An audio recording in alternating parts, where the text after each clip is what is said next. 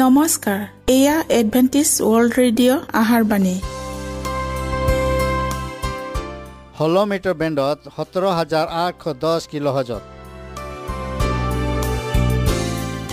Adventist world radio যোগে অসমীয়া ভাষাত প্ৰচাৰিত আহাৰবাণী প্ৰত্যেক বুধবাৰ আৰু দেওবাৰ সন্ধিয়া সাত বজাত আহাৰবাণী শুনাৰ পিছত আপোনালোকৰ কিবা মন্তব্য আৰু প্ৰশ্ন থাকিলে আমালৈ এই ঠিকনাত লিখক। আমাৰ ঠিকনাটি হৈছে Adventist World Radio' Seven Day Adventist মণ্ডলী অসম শাখা লতাকাটা বশিষ্ট গুৱাহাটী সাত আঠ এক শূন্য দুই ন।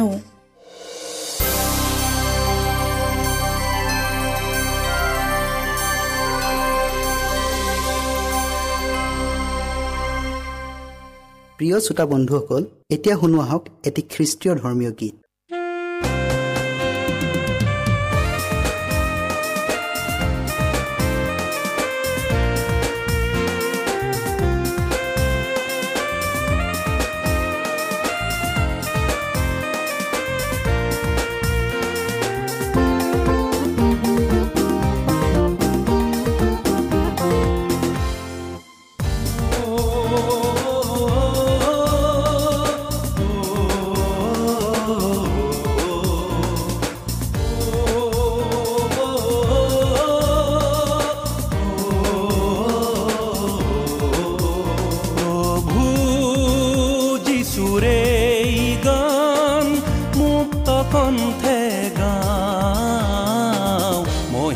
তোমারে মহিমা তোমারে মহিমা তোমারে গাও তোমারে ধরণী খনি সৃষ্টির নানা রূপ। বিকশিত হয় বিকশিত হয় বিকশিত হয়।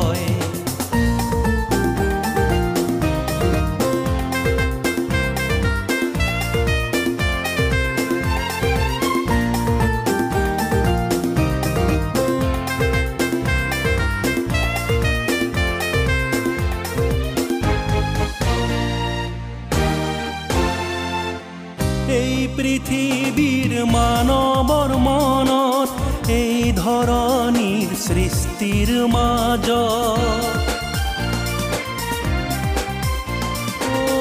এই পৃথিৱীৰ মানৱৰ মনত এই ধৰণীৰ সৃষ্টিৰ মাজত। বোৱালা প্ৰেমৰ নদী তোমাৰ তেজেৰে বুৱালা প্ৰেমৰ নদী তোমাৰ তেজেৰে মহিমা তোমাৰে মহিমা তোমাৰে মহিমা তোমাৰে গাওঁ। প্ৰভু যিচুৰে এই গান মুক্ত কণ্ঠে গাওঁ। মহিমা তোমাৰে মহিমা তোমাৰে মহিমা তোমাৰে গাওঁ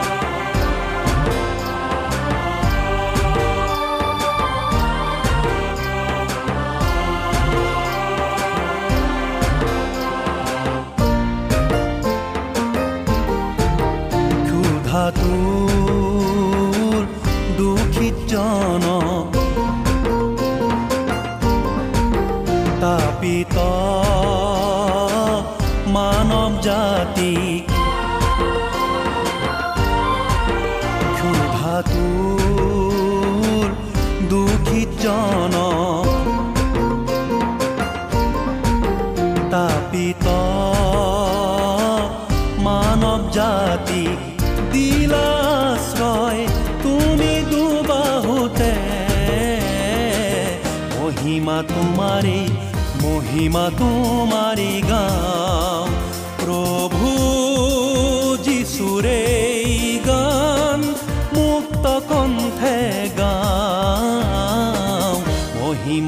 তোমাৰে মহিমা তোমাৰে মহিমা তোমাৰে গাওঁ। তোমাৰে ধৰণী খনি শান্তিৰ নানাৰো বিকশিত হয় বিকশিত হয় বিকশিত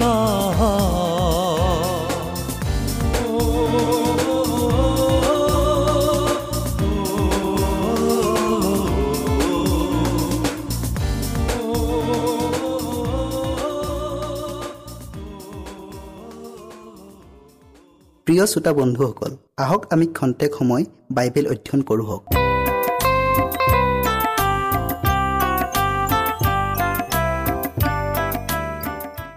আমাৰ আজিৰ বিষয়টি হ'ল মতলব আৰু কাৰ্যটো মাননীয় হোৱা। বাইবেল পত্ৰি লোৱা হৈছে ইফিচিয়া চাৰি অধ্যায়ৰ বত্ৰিশ পদ। তোমালোক স্বৰূপে হিতকাৰী আৰু কোমল চিত্ৰৰ লোক হৈ ঈশ্বৰে তোমালোকক যেনেকৈ কৃষ্টত ক্ষমা কৰিলে তেনেকৈ তোমালোকেও পৰস্পৰে ক্ষমা কৰা। আমি প্ৰাৰ্থনা কৰোঁ হওক। সেই প্ৰেমময় আৰু আশীৰ্বাদতা প্ৰভু তোমাৰ চৰণত আকৌ পৰিছোঁ। প্ৰভু তুমি এই সুন্দৰ সময় আমাক দিয়াৰ বাবে তোমাক ধন্যবাদ দিছোঁ। আজি আমি যি বিষয়টিলৈ অধ্যয়ন কৰিবলৈ আগবঢ়াইছোঁ প্ৰভু এই বিষয়টিলৈ তুমি আমাক জানিবলৈ জ্ঞান আৰু বুদ্ধি দিয়া। প্ৰত্যেক শ্ৰোতাৰ লগত পবিত্ৰ আত্মা দান কৰা আৰু তেওঁলোকৰ হৃদয় স্পৰ্শ কৰি দিয়া। প্ৰভু যীশুখ্ৰীষ্টৰ নামত খুজিলোঁ। আমেন। নিজ মৰ্যাদা মুখৰ জবান ৰখা শুদ্ধ চিন্তা সাধুতা সত্যবাদী আদি গুণবোৰ সদায় থাকিব লাগে। সততাক য'ত আশ্ৰয় দিয়া হয় তাত সাধুতা আৰু সৰলতাও পিছ পৰি নাথাকে। বাল দেৱতা আৰু ঈশ্বৰ কেতিয়াও একেলগে থাকিব নোৱাৰে।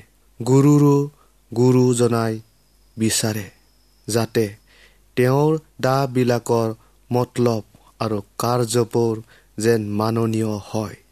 যিসকলে সাধুতাক নিজৰ সংগী কৰি লয়। তেওঁবিলাকে ইয়াক তেওঁবিলাকৰ প্ৰতিটো কাৰ্যত সাকাৰ কৰিব। বহুতৰ দৃষ্টিত তেওঁবিলাক মানুহ কিন্তু সন্তোষজনক নহয় কিন্তু ঈশ্বৰৰ দৃষ্টিত এওঁবিলাক অতি সুন্দৰ। সকলো ঠাইতে প্ৰতিষ্ঠিত কৰিবলৈ ছয়তানে সদায় কৰ্ম কৰি আছে।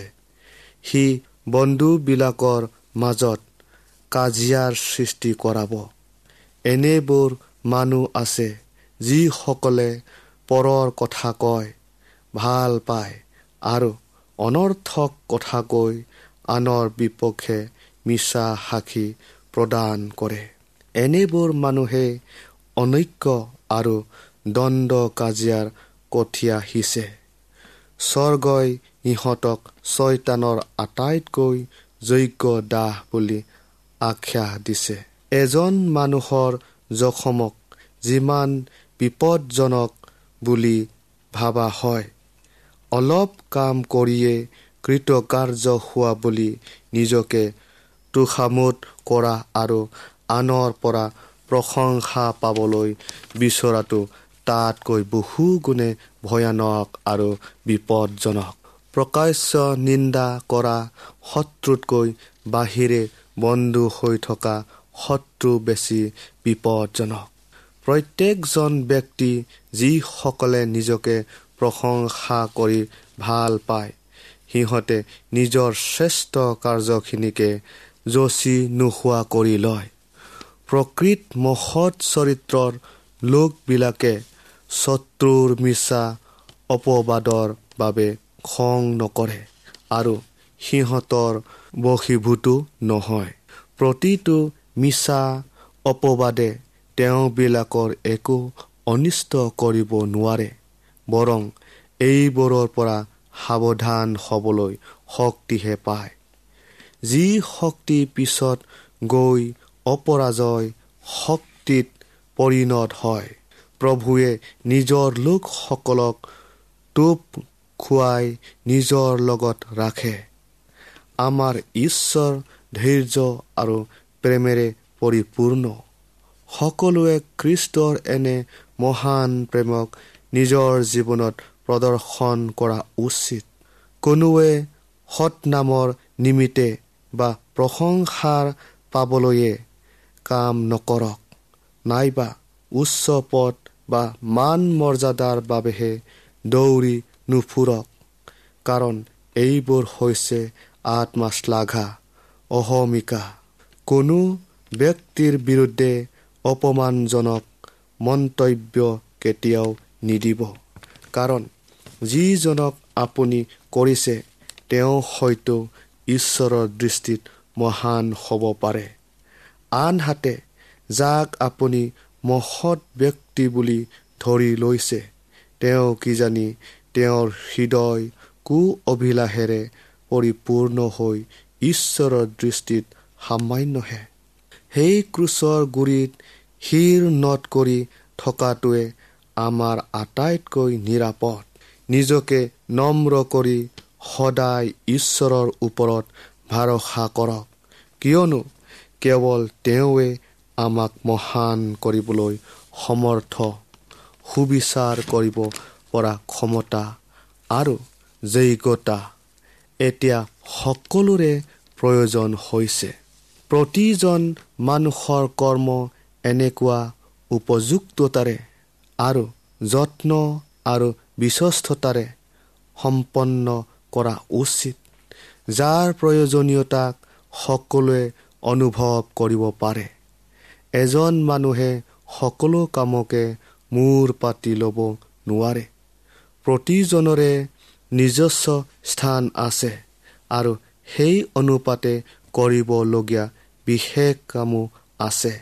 আৰু প্ৰতিজন ব্যক্তিয়ে এইটো উপলব্ধি কৰা উচিত যে যি ধৰণেৰে তেওঁ কামটো কৰি শেষ নকৰক কিয় কিন্তু শেষ বিচাৰৰ সময়ত থিয় হৈ থাকিব পৰাকৈ কৰিব লাগে। প্ৰথম তিমতী পাঁচ অধ্যায়ৰ বাইছ পদটো আমি আকৌ পঢ়ো হওক। নিজকে সূচী কৰি ৰাখা। শেষ অংশটো আমি পঢ়া হ'ল। কিহৰ দ্বাৰা মন আত্মা আৰু শৰীৰ শুদ্ধ কৰিব পাৰি তাক জনাটো শিক্ষাৰ এক আৱশ্যকীয় আৰু প্ৰধান অংশ। চৰিত্ৰত যেতিয়া শুদ্ধতাৰ অভাৱ হোৱা দেখা যায়। পাপ যেতিয়া চৰিত্ৰৰ এটা অংগত পৰিণত হয় তেতিয়া সুৰাৰ প্ৰভাৱত সুৰামত্ত এজন ব্যক্তি তন্দ্ৰা লগাৰ দৰে এনে ব্যক্তিবোৰো অসততা আৰু পাপৰ দ্বাৰা মন্ত্ৰযুক্ত হয়। গোটেই মানুহটোকে কুলসিত কৰা অপকৰ্মবোৰ কৰাৰ দ্বাৰাই আত্মা সংযম আৰু বিবেক বিচাৰ বুদ্ধি নাইকিয়া হয়। আৰু এই পাপময় অপকৰ্মবোৰ যদি সদায় কৰি থকা যায় তেন্তে মগজুটো দুৰ্বল হৈ নৰিয়াত পৰিব আৰু ই নিয়ন্ত্ৰণ হেৰুৱাই ল'ব। এনে ব্যক্তিজন নিজৰ বাবে সাপগ্ৰস্ত আৰু যিসকল তেওঁৰ সম্পৰ্কলৈ আহিব তেওঁবিলাকো সাপগ্ৰস্ত হ'ব। ভাল অভ্যাসবোৰতকৈ বেয়া অভ্যাসবোৰকহে সহজো আয়ত্ত কৰিব পাৰি আৰু বেয়া অভ্যাসবোৰক ত্যাগ কৰাটোও অতি কঠিন। হৃদয়ৰ স্বাভাৱিক নৈতিক অধপতনৰ ক্ষেত্ৰত এইটো সকলোৰে জ্ঞাত যে এজন যুৱকৰ নৈতিক অধপতন হ'বলৈ তাৰ বিচাৰ বুদ্ধি আৰু ধৰ্মীয় চৰিত্ৰ ভ্ৰষ্ট হ'বলৈ যিমান কম পৰিশ্ৰম কৰিবলৈ দৰকাৰ। তাতকৈ তাৰ চৰিত্ৰ সংযম ঠিক কৰিবলৈ শুদ্ধ আৰু নিষ্কলংক আৰু সত্যতাৰে পৰিপূৰ্ণ ধৰ্মীয় চৰিত্ৰত অভ্যাস গঠন কৰিবলৈ অধিক পৰিশ্ৰমৰ দৰকাৰ হয়। আত্মা অহংকাৰ শোকাবিলাহী শত্ৰুতা গৰ্বময়বৰ ভাৱ ইৰ্জা বিৰোধ এইবোৰ নিশিকোৱাকৈ আৰু নেদেখুৱাকৈ স্বতপূৰ্যভাৱে গঠন হৈ বৃদ্ধি পায়।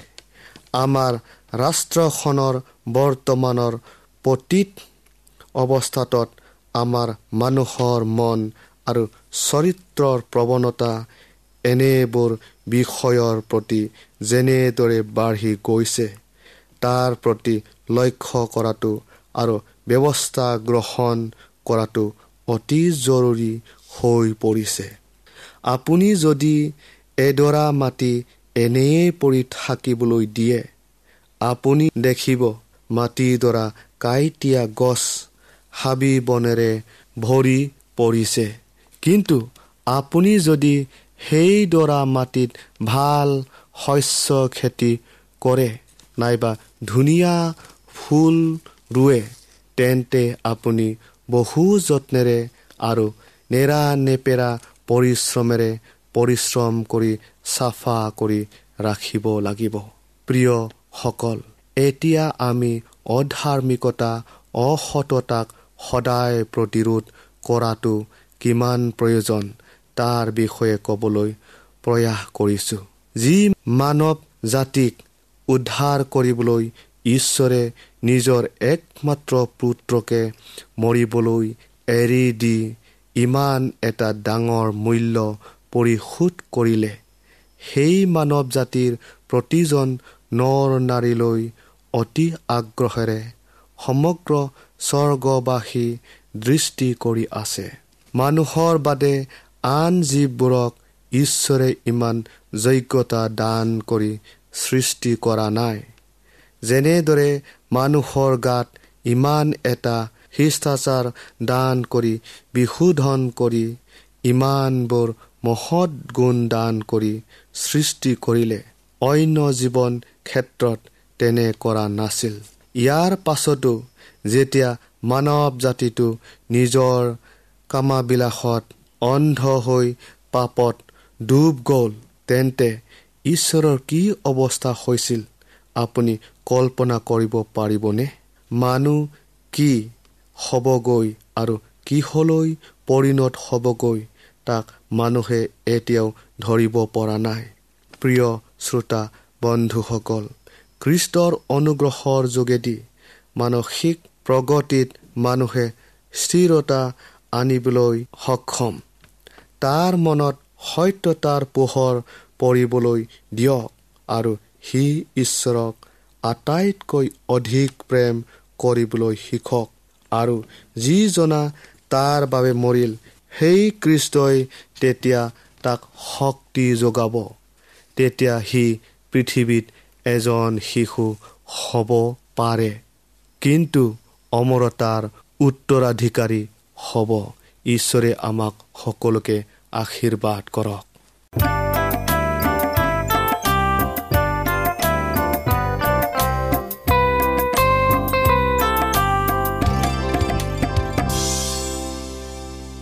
ইমানপুৰে আমি বাইবেল অধ্যয়ন কৰিলোঁ। এতিয়া আকৌ শুনো আহক এটি খ্ৰীষ্টীয় ধৰ্মীয় গীত।